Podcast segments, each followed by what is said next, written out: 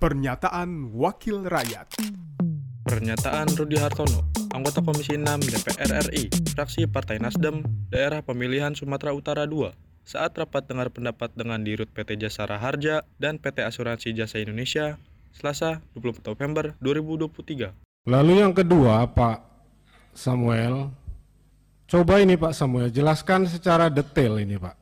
Kabarnya Jasindo ini kan sudah banyak menutup kantor-kantor cabang Pak. Ini di kota mana saja yang ditutup cabangnya Pak? Juga mengapa ada kebijakan Bapak tutup itu?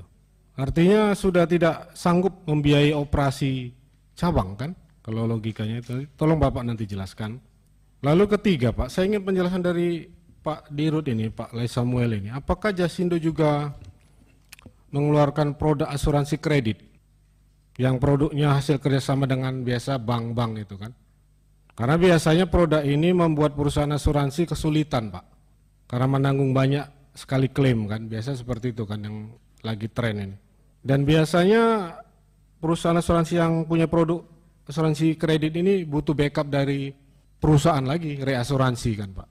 Ini apakah Pak Dirut Samuel ini memakai produk seperti ini? Ini mohon penjelasan gitu.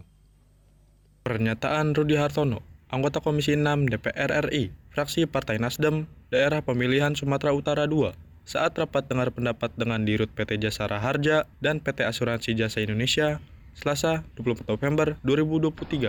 Produksi TV dan Radio Parlemen, Biro Pemberitaan Parlemen, Setjen DPR RI. Pernyataan Wakil Rakyat